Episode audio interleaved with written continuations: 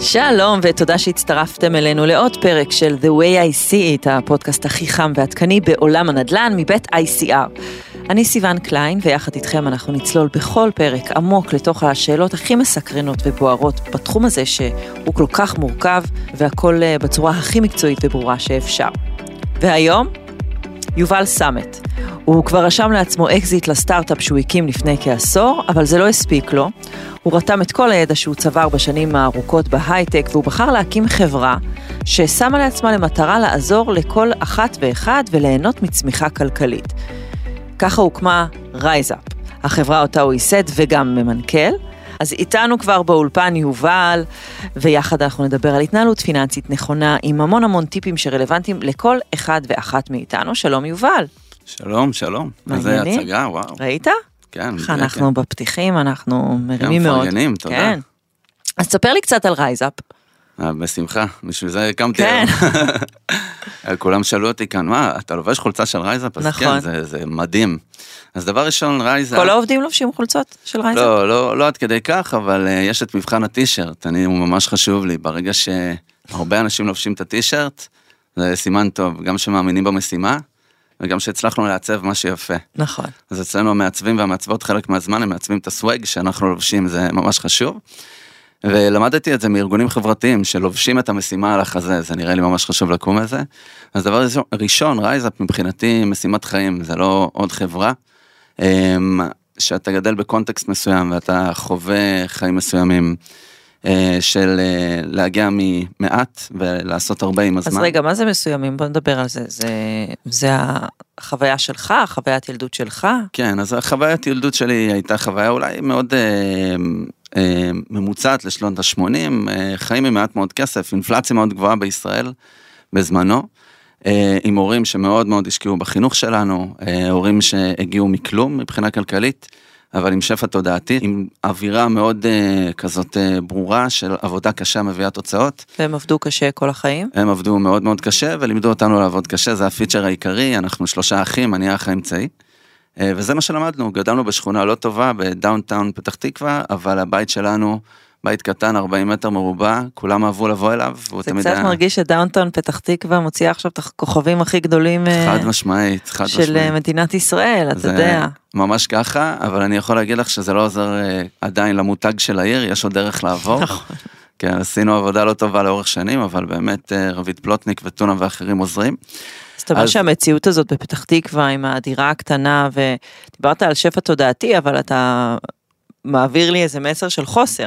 כן, לגמרי תחושת מחסור שגדלנו איתה, אז התחושת מחסור, גם אם את לא שמה לב אליה, את יודעת, אה, באופן מודע כל יום, ואת לא נמצאת כזה ברמה גבוהה של אה, מודעות לכסף, אה, זה עדיין דבר שמלווה אותך, כי זה מייצר סטרס. זה מה שכל המחקרים מראים, נכון. שאת לא סגורה על, על העניין הכלכלי בחיים, איפה הוא יושב לך.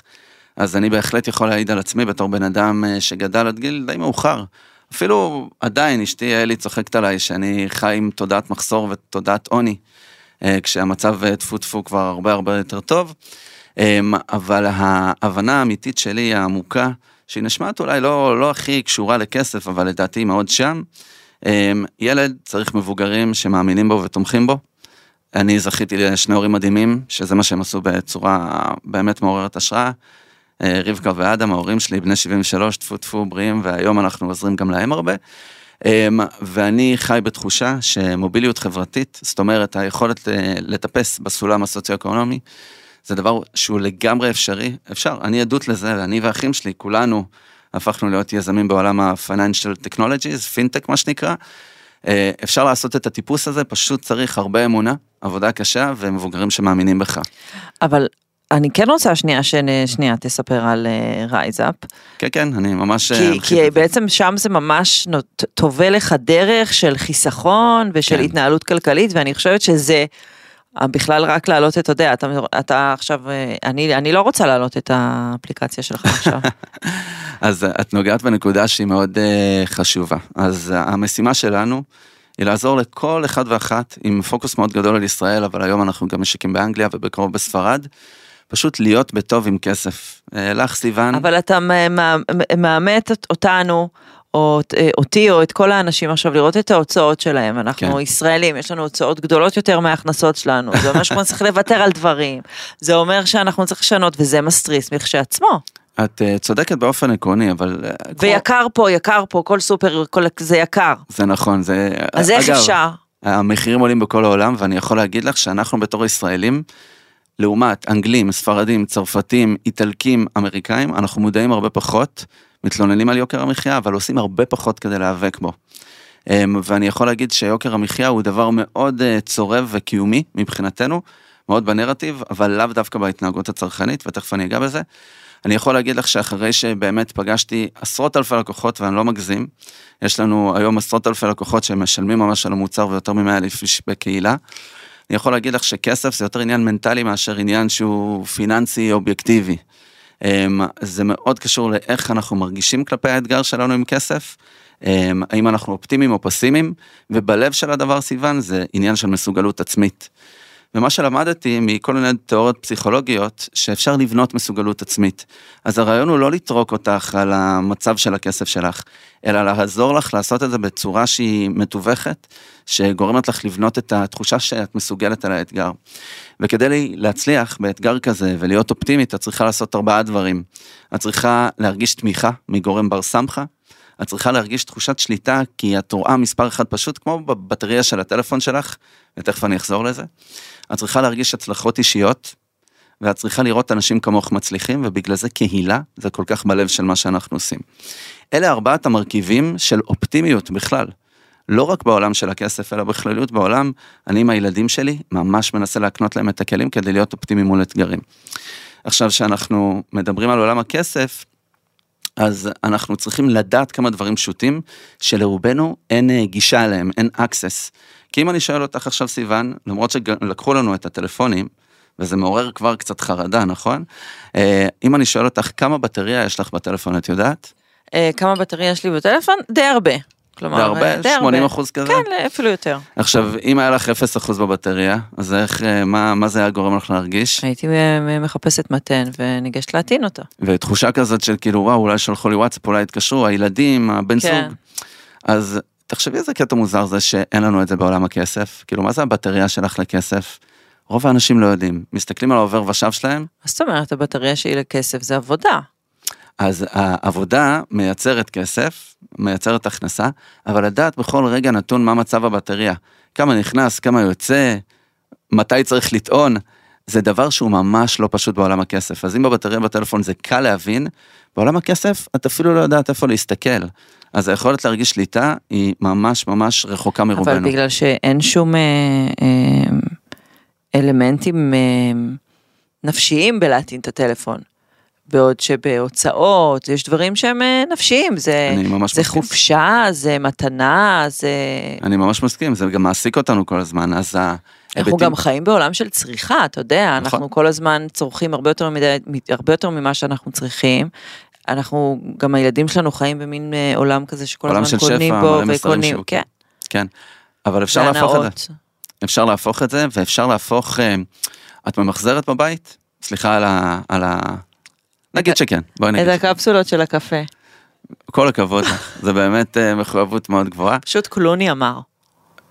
או, וואי, ממש סתם, אהבתי. סתם, אני צוחקת. לא, אבל את ראיתי אתמול צודקת. פרסומת, זה לא, זה לפני. אבל העניין הוא שלעשות דברים ירוקים, מה שנחשב ירוק וטוב לעולם, לא היה קול, זה לא היה מעניין. לא היית מסתכלת על זה בתור שיקול מסוים בצריכה של לא, חברה תשמע, אני מסוימת. כן, יש לנו בקבוקים אה, רב פעמיים. ואנחנו לא בפלסטיק. ו- ברור, ואת מפרידה יחסית, ואת, לפחות זה במודעות שלך, כן. ולילדים בגן, יש אה, בגן חובה לכל הגנים בתל אביב נכון, והסביבה, יש פלסטיקים כאלה. את הביקור בחירייה. הולכים, או מראים מה, מה קורה, מה קורה, איך, מה באמת עושים עם זבל. זה לא היה בנרטיב, זה לא היה מעניין, זה לא היה קול. אני חושב שלצרוך פחות, או לצרוך בקטע שמתאים לך, לחשוב על מה את רוצה לעשות עם כסף בעתיד. הסיפור הזה, הוא צריך להיות קול. הוא צריך להיות ג'ורג' קלוני אמר. וזה מה שאנחנו מנסים ליצור, לשנות את הנרטיב, לשנות את הטאבו. לדבר על כסף צריך להיות דבר פשוט וקל ומגניב ומעניין ומסקרן. למה להתייחס לזה כמו שאנחנו מתייחסים לבריאות וסקס ויחסים בין בני משפחה שרוצים אה, לכבס את הכביסה בבית. כולנו מאמינים שאנחנו, את יודעת, פתיתי שלג ייחודיים, אבל בסוף את יכולה ללמוד מאנשים אחרים שהם גרים בשכונה שלך, מתמודדים עם דברים דומים, יש להם ילדים עם אותם צרכים. ובפועל אפשר לעשות את הדברים אחרת. ואני אתן את הדוגמה הכי ספציפית. אצלנו בכיתות בבית ספר לא מביאים מתנות לימי הולדת. טוענים סכום מסוים בפייבוקס, ואז מאפשרים לילד ללכת ולקנות משהו שהוא באמת וואו, רוצה. וואו, מתנות יום הולדת זה זוועה. מה, זה מה? זוועה בקונוטציה של... כן, כמה shit אפשר לקבל מאיזה משהו מפלסטיק. שעולה 50 שקל, לעומת כיתה שלמה שנותנת מתנה, אפילו קצת יותר צנועה מבחינת הכסף, ואז אפילו יש שיעור לילד. אני חושב שהיכולת שלנו היום לבחור צרכנית מה לעשות היא מדהימה, היא עצומה, וככל שאת מסתכלת על הדורות הצעירים יותר, הג'ן זיז וכולי, הם רוצים לעשות את זה יותר. הם ממש שם, זה נכון, הם שם. נכון, כל הדורות האלה, זה אולי המזל שלנו שהם רוצים לה, להציל את כדור, את כדור הארץ. אני אני מסכים. רוצה להחזיר אותנו קצת לנדל"ן, למרות שאנחנו יכולים... אה, אהלן וסהלן. נדבר על זה. אז הרי בסוף, אנחנו מדברים על הוצאות ומדברים על כסף, ובסוף יש איזה חלום ישראלי שהוא אה, סמל סטטוס, סמל הצלחה, זה אם הצלחת לקנות דירה או לא הצלחת לקנות דירה, ואם בכלל הצלחת לקנות כמה דירות, אתה בכלל אה, סיפור הצלחה מהמם. מטורף בקנה מידה אבל עולמי. גם אתה לא מספר לאף אחד כדי שלא יחשבו עליך משהו. בדיוק, איך הצליח, איך הוא הצליח לקנות את הדירות. אבל אנחנו בדיוק אה, השבוע התפרסם עוד איזה מדד שישראלי אה, באחד כן, המקומות הדוח של הראשונים, אה, ה-OECD. כן, ב- ב- ביוקר המחיה גם, אבל גם במחירי נדל"ן. והיה שם איזשהו נתון שאפשר לקנות דירה, לא ברור איזה דירה ולא ברור אה, אה, כמה היא עולה, בכ-70 משכורות ממוצעות. מהמם. זה המון. לא, זה זה הרבה המון. יותר ממה שהיה. עודדת אותי שזה קצת כמו בעולם, אז אנחנו נכון. לא רחוקים. אבל בכל זאת, זה, זה נכון שבהתנהלות, שזה התנהלות כלכלית, אה, יכולה להביא אותנו לדירה, כי התחושה היא שלא משנה כמה נחסוך ונחסוך, זה פשוט, נגיע לדירה, אבל לא לדירה שרצינו. כן, זה... אני אתן לך דוגמה ממקום אחר בעולם, אני אקח אותך לשוודיה, שאגב עכשיו חווה משבר אה, משמעותי בגלל עליית הריבית ומשכנתאות וכאלה, אבל סיפור, קוריוז. ב-2010 מכרנו חברה לחברה שוודית, עברנו לגור שם לכמה שנים, אה, והיה לי כזה אה, עוזר, וילהלם, שהלוואי שיכולתי לייבא. אותו. וילהלם, אנגסטרום, בן אדם מדהים, מסורק על הצד, רואה חשבון, איש אופרציה מחונן. אה, והוא היה מנהל לי את הלו"ז וכל מיני כאלה. וילהלם, שאני הכרתי אותו, אה, שהתחלנו שם, הייתי בחברה סך הכל שש שנים. הוא אה, היה בן 23, שעזבתי הוא היה בן 29, הוא החליף שלוש דירות. כי מה קרה בעצם? הוא קנה דירה בפריפריה, איכשהו אה, סיים את הלימודים באוניברסיטה, בכלום כסף, במימון שהתאים לו, הדירה הייתה סופר זולה והוא גר שם. בשוודיה יש משבר של דירות לשכירות, כמעט אי אפשר לגור שם בשכירות, כי את יכולה למנף את עצמך בצורה משמעותית. ואז כל שנה, או שנתיים, הוא החליף דירה לדירה טובה יותר. כשעזבתי את שוודיה הוא כבר גר בפאתי סטוקהולם. למה זה אפשרי? כי תחבורה ציבורית מעולה, הבנייה היא בנייה רוויה, כאילו הוא קנה כל פעם דירה קטנה צנועה בבניין, רוב, רוב החיים לא קורים בתוך הדירה, טוב, הדירות מאוד קטנות בסטוקהולם, אבל נכון? זה, זה, אלה ה trade-offים, סיוון, נכון? בסוף זה עולם של trade-offים. עכשיו, בישראל יש בעיה מאוד משמעותית של היצע, גם בתחום הדירות הקטנות, שזוגות צעירים יכולים לקנות ולהתחיל את החיים שלהם שם, ולעשות את זה במקום שהוא הגיוני מבחינת תחבורה ציבורית. כולם עכשיו, את קוראת דה מרקר, גלובס, לא משנה, מדברים על הפקק הגדול של חודש ספטמבר. זה חרדות קיומיות היום לצאת מהבית. ממש. מבחינת תחבורה, עזבי את אי אפשר השאר. לזוז, נכון? ואלה תנאי הבסיס שהם ממש קשים, כי תכלס, מה זה המטרופולין של תל אביב? זה ארבעה מיליון איש, זה מגדרה עד חדרה, כולם אמורים להיות מסוגלים בניידות יומיומית, להגיע מכל מקום לכל מקום.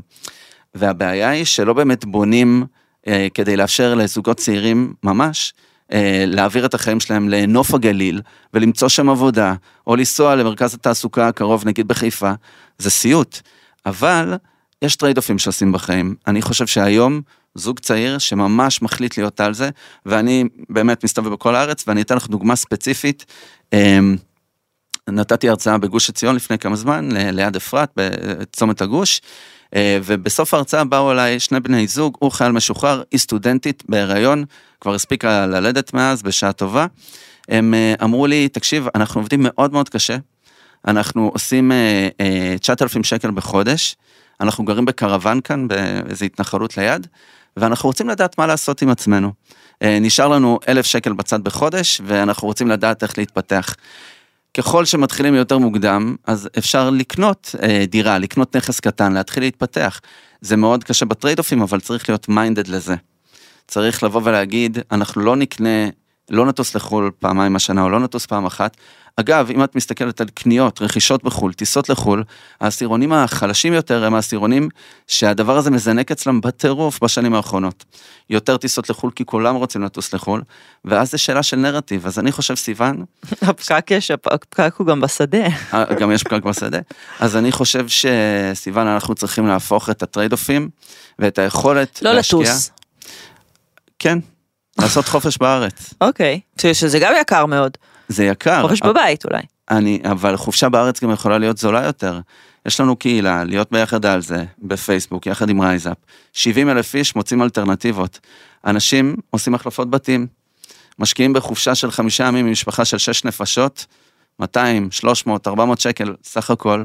יש אלטרנטיבות, זה פשוט שאלה של... ואז הכל מה? הכל זה בעצם אה, אה, דרכים לחסוך לדברים שאנחנו רוצים, שבמקרה הזה זה דירה?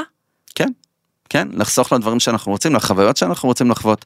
כל אחת וכל אחד בדברים שהם מאחלים לעצמם, שהם מאחלים לילדים. אבל אם רק שנייה נסכם את, ה, את השימוש נאמר של אה, רייזאפ, למרות כן. שעכשיו אתה כבר מדבר על קהילות ועל איזשהו משהו נרחב יותר אז אני ומגניב. ממש אתקצר את זה. כן, רק את ה... את ה... לגמרי. אנחנו עושים רגע. שלושה דברים פשוטים כדי לעזור לאנשים להיות בטוב עם כסף. דבר ראשון, מתחברים לחשבונות הבנק, כרטיסי האשראי, מנתחים את הנתונים, בינה מלאכותית, כל הקללות האלה, ונותנים לך תמונה אחת פשוטה. כמה צפוי להיכנס וכמה צפוי לצאת החודש, כדי שתסיימי את החודש חיובי. ברגע שיש לך את התמונה הזאת בצורה פשוטה, בוואטסאפ, עם עדכונים בוואטסאפ, אנחנו עוזרים לך להתחיל לשפר את המצב. וואי וואי וואי וואי וואי. עם תמיכה, יש תמיכה, סיוון, אל תדאגי. אבל אני לא רוצה את התמיכה, אתה מבין? זה מלחיץ אותי התמיכה. וגם אבל- אה, מביך אותי התמיכה. אני מבין, אבל דבר ראשון, אף אחד לא יודע מי את, לא באמת. קשור ל... זה לא קשור למי יודע מי אני. כן. אתה יודע, זה, זה יש. התמודדות, כמו שאתה אומר, היא אישית, נכון. פנימית. את צודקת, ואני חושב אבל שהגיע הזמן, וזו שאלה של מה אנחנו רוצים לתת לילדים שלנו, איזה חיים אנחנו רוצים לחיות. אבל זה לא מקרה, לא, זה, זה לא קצת כמו דיאטה? אתה לא, לא, אתם לא נתקלים בסיטואציה כזאת שמכניסים את כל הנתונים ורואים סיטואציה מסוימת ואז אה, מחליטים בהחלט. לזנוח את זה ולא להסתכל על אני זה. יכול להגיד לך שיש קהל של עשרות אלפי אנשים, שזה בדיוק קרה לו, אבל הוא נשאר בניוזלטר שלנו, הוא נשאר בקהילה. אז אתה אומר שזה יקרה קורה. שוב פעם מתישהו. זה יחזור. פתאום הצורך עולה, כאילו זה, פתאום זה ש... נולד ילד, פתאום מתחתנים, פתאום רוצים לקנות אוטו חדש, פתאום יש איזו הלוואה שלא מצליחים להתמודד איתה, או רוצים לטוס לחו"ל, או רוצים להקנות משהו שאי אפשר להקנות, ל... לא יכולת להקנות לילדים בעבר. אני גדלתי, אה, באמת ההורים שלי קרעו את עצמם כדי שנוכל ללכת לחוג.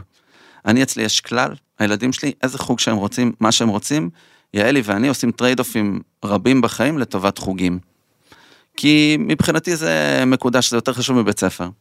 וכדי לשלוח אותם, אז אני מוכן אף פעם לא לשלם אה, מחיר מלא על הופעה, אף פעם. אני תמיד אמצא את הקופון, ואני יכול להרשות לעצמי, אבל אני מעד- מעדיף שלא. ואני חושב שזה עניין של החלטה. אבל ההחלטה הזאת, הנרטיב צריך להשתנות לאט לאט. אבל מה, מה, למה אתה חושב אבל, שאני, כי אני חושבת שפה זה, שם זה טמון. Mhm. כי אתה יכול להרשות לעצמך ואתה, ואתה לא. כי יש לי משהו שאני חושב שהוא עדיף. אבל השאלה אם ה-50 שקל האלה, ה-400 שקל האלה, הם משנים? אני יכול להגיד לך שאפשר, לה, אני, אין לי את הטלפון להוציא את המחשבון, אבל uh, עשיתי אתמול חישוב כדי שאני אוכל לתת לך את התשובה. אם אנחנו מחסכים, מתחילים לחסוך לילד, עשרת אלפים שקל בתשלום הראשון, שהוא נולד. לאורך 20 שנה מעבירים 500 שקל בחודש, ב-7% ריבית שנתית, שזה מה שקורה פחות או יותר לאורך 20 שנה, ודמי ניהול- שגונבים ממך 0.3 בסדר?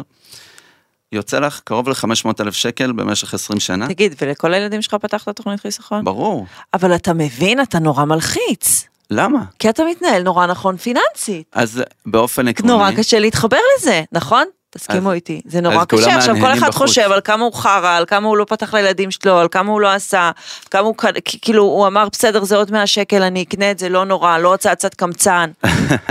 את צודקת. דבר ראשון, את צודקת. ולמה אני אומר שאת צודקת? כי זה באמת מורכב, אבל כאן בעצם אמרנו הדבר הראשון זה לראות מה העניינים. גם לא לעשות את זה לבד, לרייזאפ אפשר להתחבר לבד, ואפשר לעשות את זה ביחד עם הקהילה. עכשיו, בקהילה את לא חייבת לחשוף ולשתף, מספיק שאת רואה סיפורים מעוררי השראה, מספיק שאת רואה אנשים כמוך. כי בתכלס, מה קורה לנו בתור בני אדם? שאני רואה מישהו כמוני, עושה משהו שאני לא הצלחתי לעשות, או משהו שאני מאוד רוצה לעשות, זה מעורר בי רגש, זה מעורר בי השראה. ואני רוצה לעורר השראה בכמה שיותר אנשים לפעול ולעשות את השינוי הקטן. כי זה גם מה שבונה את המסוגלות, להרים טלפון לבנק, אומרים לי, מה, 20 שקל יובל בחודש, עמלות בנקאיות, זה משנה? זה משנה כי זה מתחיל לבנות לך את המסוגלות העצמית, את האופטימיות מול הסיטואציה. ואנחנו גילינו ששילוב בין שלושה דברים שאני מקווה שתתחברי אליהם, קהילתיות, תמיכה מאנשים כמוך, תוכן שהוא מבדר, וטכנולוגיה שהופכת את כל העניין לפשוט, לפשוט, שלושת הדברים האלה ביחד מחוללים שינוי. שואלים אותי מי אני רוצה להיות בחיים של אנשים ביום יום, אני הייתי רוצה להיות אופרה ווינפרי, לא, לא ברמה האישית, אבל להיות החמש דקות המרעננות, המעניינות, המבדרות, כי בסוף יש החלטות כלכליות כמעט בכל דבר שאנחנו עושים, אז למה לא להחליט עבורנו? למה לא לשלם קודם לעצמנו, לעתיד שלנו? אפשר להחליט לעשות את זה. אני אגיד לך למה, כי אם אתה לא מתנהל נכון, אז אתה, אז זה תהום. זה, זה, זה אתה פשוט פותח בור לתהום שאנשים פשוט יכולים להתעלם ממנה. זה נכון, אבל זה גם לאו דווקא תהום, בסוף את יודעת, זה גם לא מספיק כואב כדי שרוב האנשים יתעסקו בזה כל הזמן. אמ, אני רואה גם, יש לנו היום לקוחות מכל מיני אה, walks of life, מה שנקרא. גם אנשים שמרוויחים פחות, גם אנשים שמרוויחים יותר ועובדים בהייטק. בסוף אנשים אומרים, מה, שווה לי את כל המאמץ הזה בשביל 2,000 שקל בחודש? כן, כי את שאלת איך קונים דירה 2,000 שקל לאורך זמן. אמ, וברור שאלה המקומות שהם פחות כיפים ופחות מעניינים, וכאן סיוון, בדיוק צריך אנשים כמוך שמשפיעים על דעת קהל ויכולים להראות חיים אחרים, יכולים להראות לאנשים איזה דרך אפשר לבחור כדי לבנות עתיד לילדים.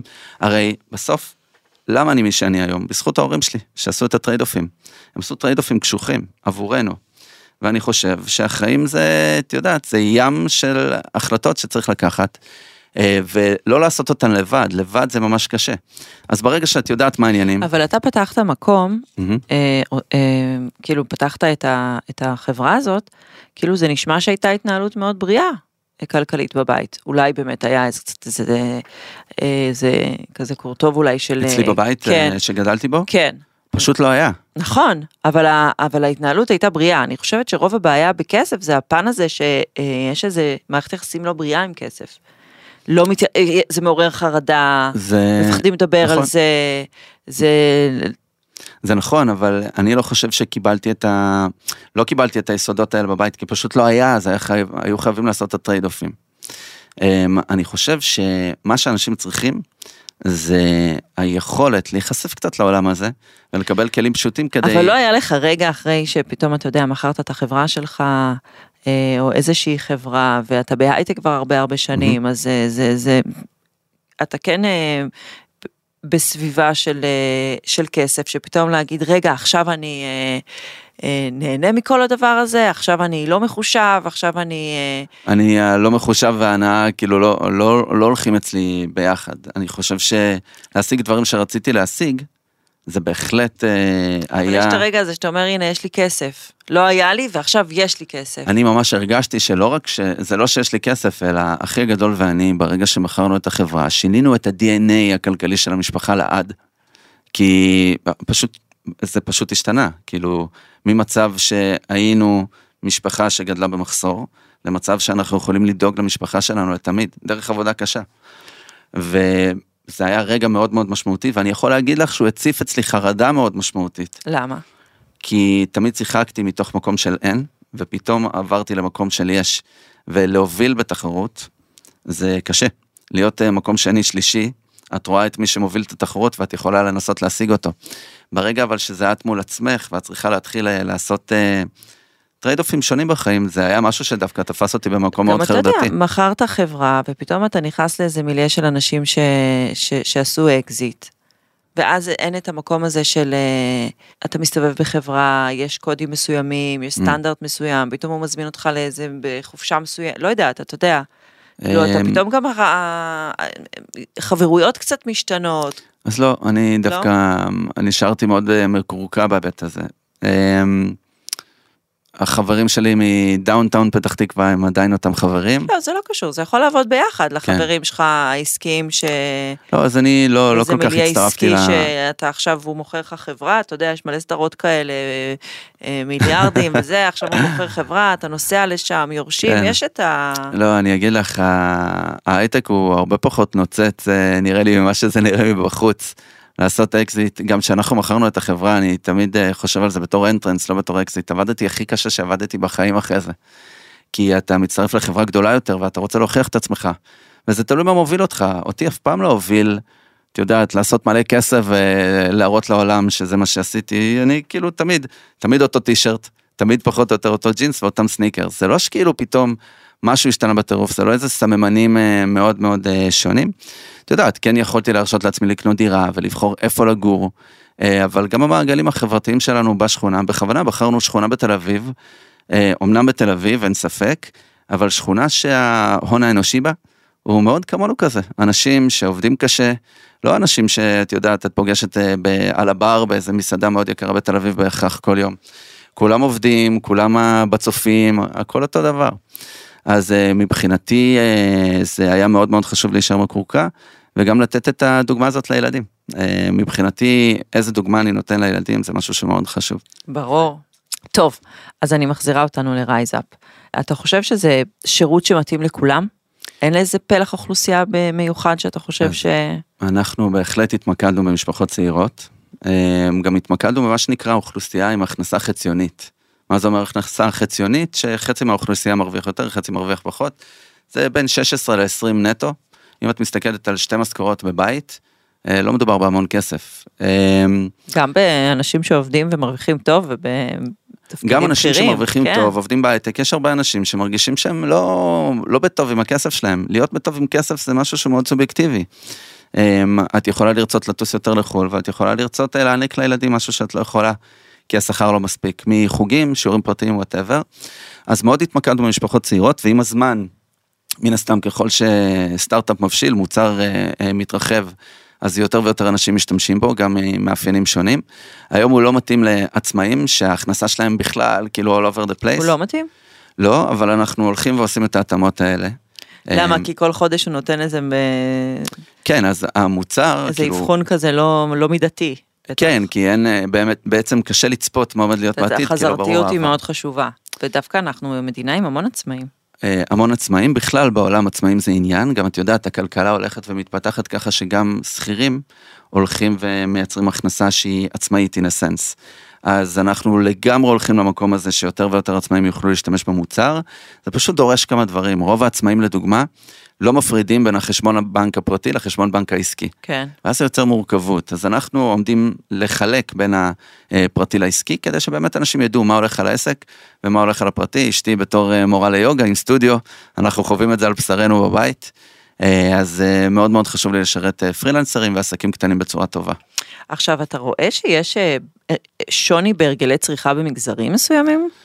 אני אגיד לך אפילו יותר מזה, את מכירה את זה שמפרסמים את מדד המחירים לצרכן, ואז אומרים, הגבינה עלתה X, השזיפים עלו Y. אמ, אנחנו גילינו שמדד המחירים לצרכן, ואני עוד פעם אחזור לגוש עציון, כאילו באופן ספציפי, כי יש שם משהו, מקרה שהוא מאוד מעניין, כולם קונים ברמי לוי בצומת הגוש. למה רמי לוי בצומת הגוש? כי זה הסופר, נוח לבוא לשם, יש חנייה. אז מדד המחירים לצרכן במי שגר שם באזור, הוא מדד המחירים לצרכן של רמי לוי בצומת הגוש.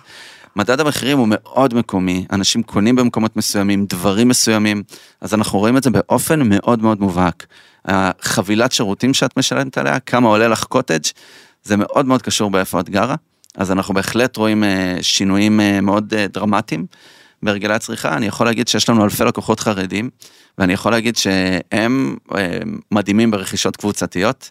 יוקר המחיה נראה אחרת במגזר החרדי, אבל בגלל שמרוויחים הרבה מה, פחות. מה אפשר? אני, אני יודעת שבדרך כלל, אה, תמיד אני רואה פרסומים של פירות וירקות שאפשר לקנות ביחד אה, כן. קהילה, שזה מגיע, היום זה נפוץ, גם פרחים, גם אה, ירקות ופירות, אפשר, אה, מגיע לשכונה, מרכזי שכונות מחקלאים, ואז אפשר לקנות. אבל מה עוד אפשר לקנות?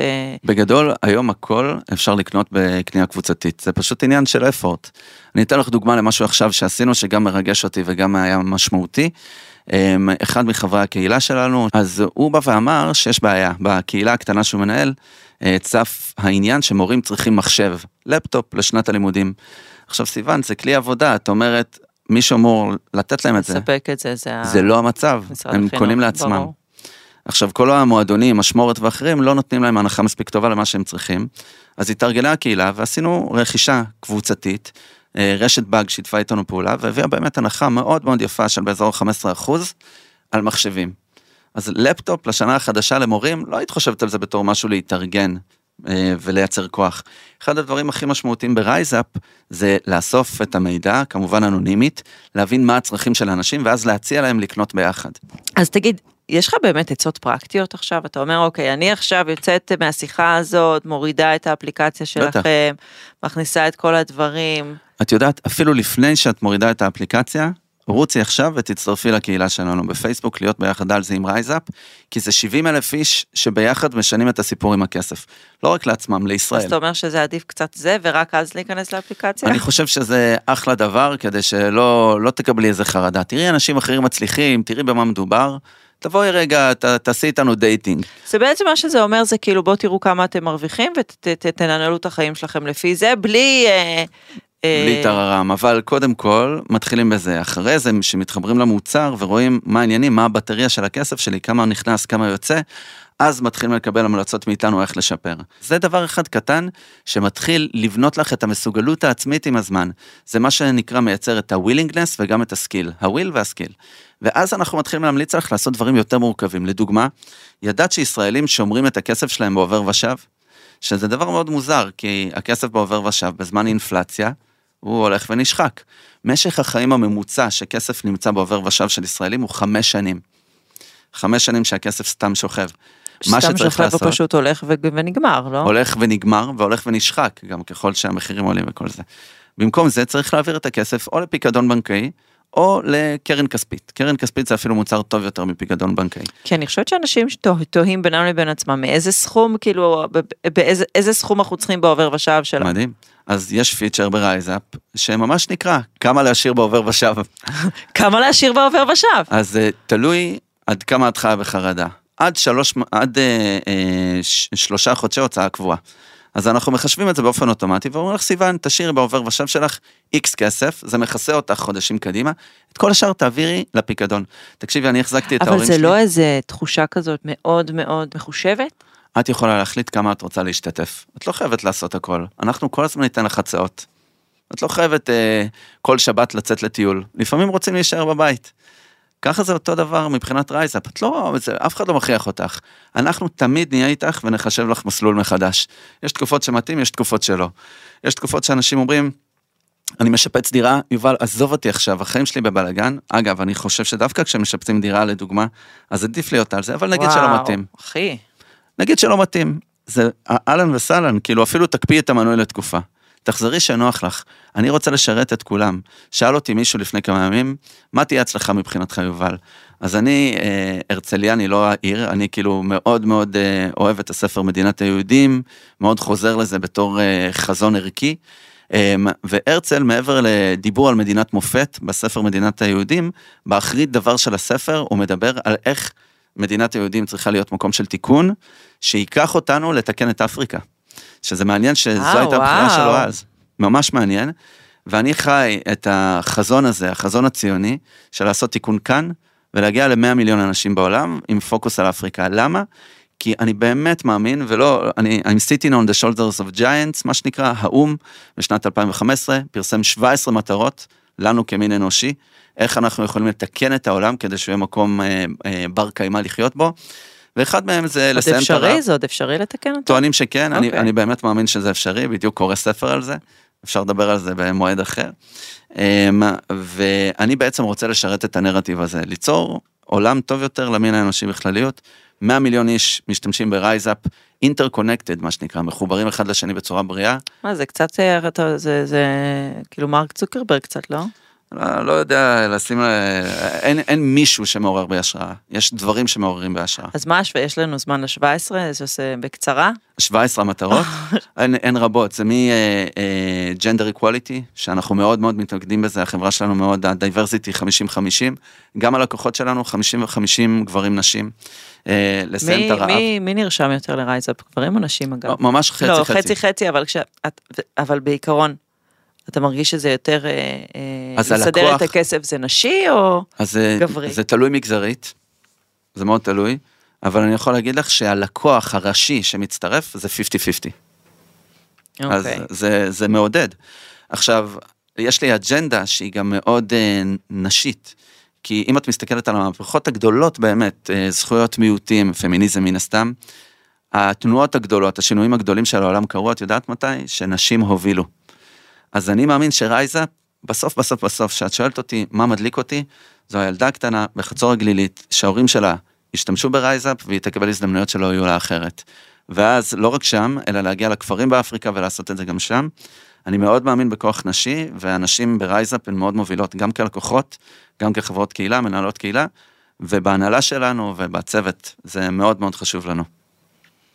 טוב, תקשיב, זה נשמע מדהים. אה, אני, אני, אני רוצה שנגיד משפט על, ה, על המצב בישראל שהוא מאוד מאוד אה, יקר. אה, על יוקר המחיה כאן, על נכון. יוקר הנדלן כאן, מהמם. על אה, הכל בעצם יקר כאן מהמם. משמעותית. אתה אמרת שזה גם קורה בחו"ל, אבל בעצם אני מרגישה שגם אם בחו"ל זה קורה, אצלנו זה קורה בכל התחומים. נכון. אין לנו אפילו תחום אחד שאנחנו יכולים... עם דגש על הנדל"ן, הנדל"ן כאן כן. הוא ממש קשוח, זה נכון. איך כן אפשר? כי המון, המון, המון צעירים כבר ויתרו על דירה לגמרי, או לחילופין כבר, אה, אה, טוב, לקנות דירה להשקעה זה לא רע, אבל כן. לרדת מהבית שאתה רוצה לחיות בו זה קצת מבאס. נכון. אז זה אפשרי? זה אפשרי עוד איכשהו צריך לעשות את זה? לחשוב על זה בשלבים.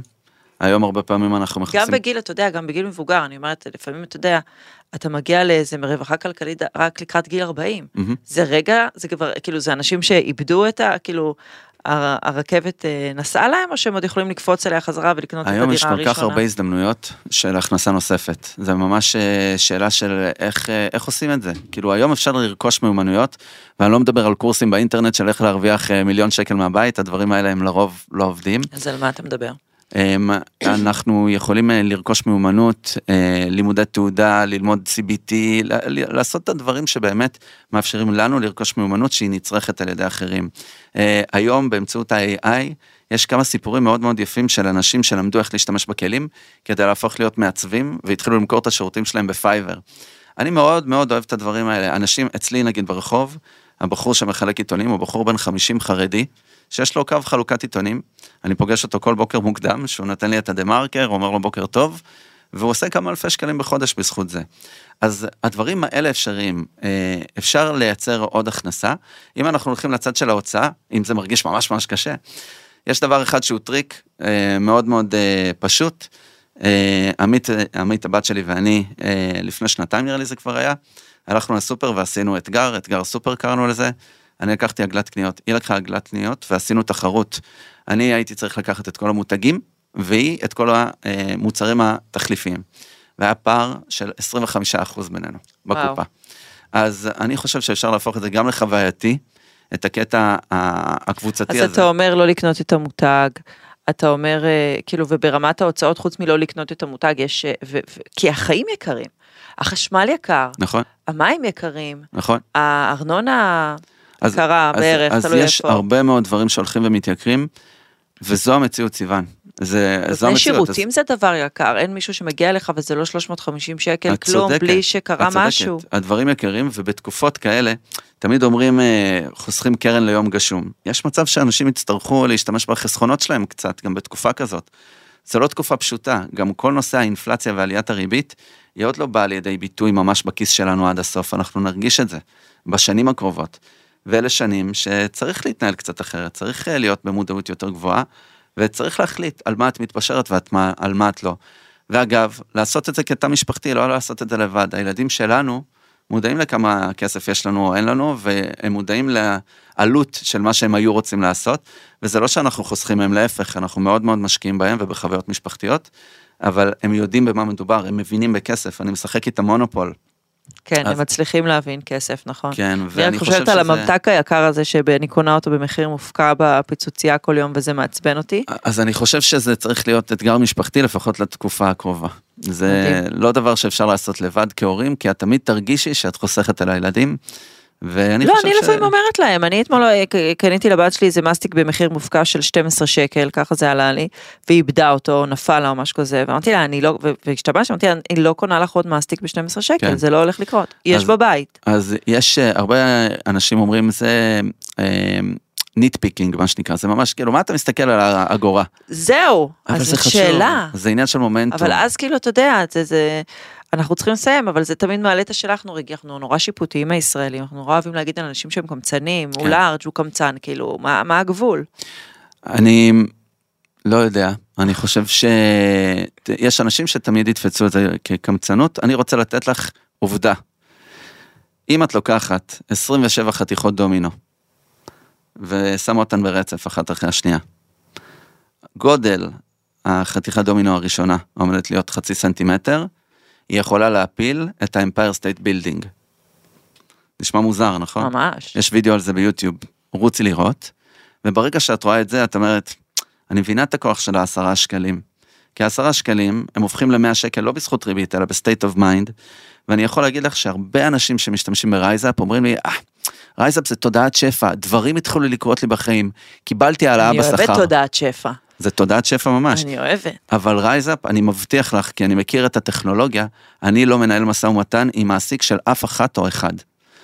אבל הם בונים מסוגלות עצמית, הם מתחילים להתעקש, הם דורשים את השווי שלהם, הם החליפו עבודה, הם אה, ייאבקו על ההחזר אה, של קופון מקסטרו, הם ירימו טלפון בנסיעה לאילת לכל ספקי השירותים, כי הם גם ככה כבר נוסעים באוטו, והם יצמצמו את העלויות. אז לחלק מהאנשים זה נשמע קשה, אני חושב שרייזאפ זה הסטנדרט החדש. איך להתנהל עם כסף, יש לפני ואחרי. יש לפני רייזאפ, אחרי רייזאפ, כמו שהיה לפני האייפון ואחרי האייפון. ומי שעוד לא בזה, עוד יהיה, זה פשוט עניין של שאלה טריגר. של זמן. כן. טוב, יובל סמט, הייתה שיחה מרתקת, הייתי יכולה להמשיך לדבר איתך עוד מלא מלא זמן. אנחנו סיימנו להפעם, יובל סמט, תודה רבה, אני יכולתי להמשיך לדבר איתך עוד הרבה הרבה זמן. תודה גדולה לכם, המאזינים והמאזינות שהייתם איתנו. אני מקווה שהצלחנו לתת לכם ערך בפרק הזה. אני בטוח קיבלתי ערך בפרק הזה. גם אני. אני מזמינה אתכם להצטרף אלינו גם לפרק הבא, בינתיים אתם יכולים להאזין לנו גם בספוטיפיי וגם באפליקציות הפודקאסטים המוכרות. תודה רבה לכם, עד הפעם הבאה. הוקלט באולפני אדיו, המשווקת את ספוטיפיי בישראל.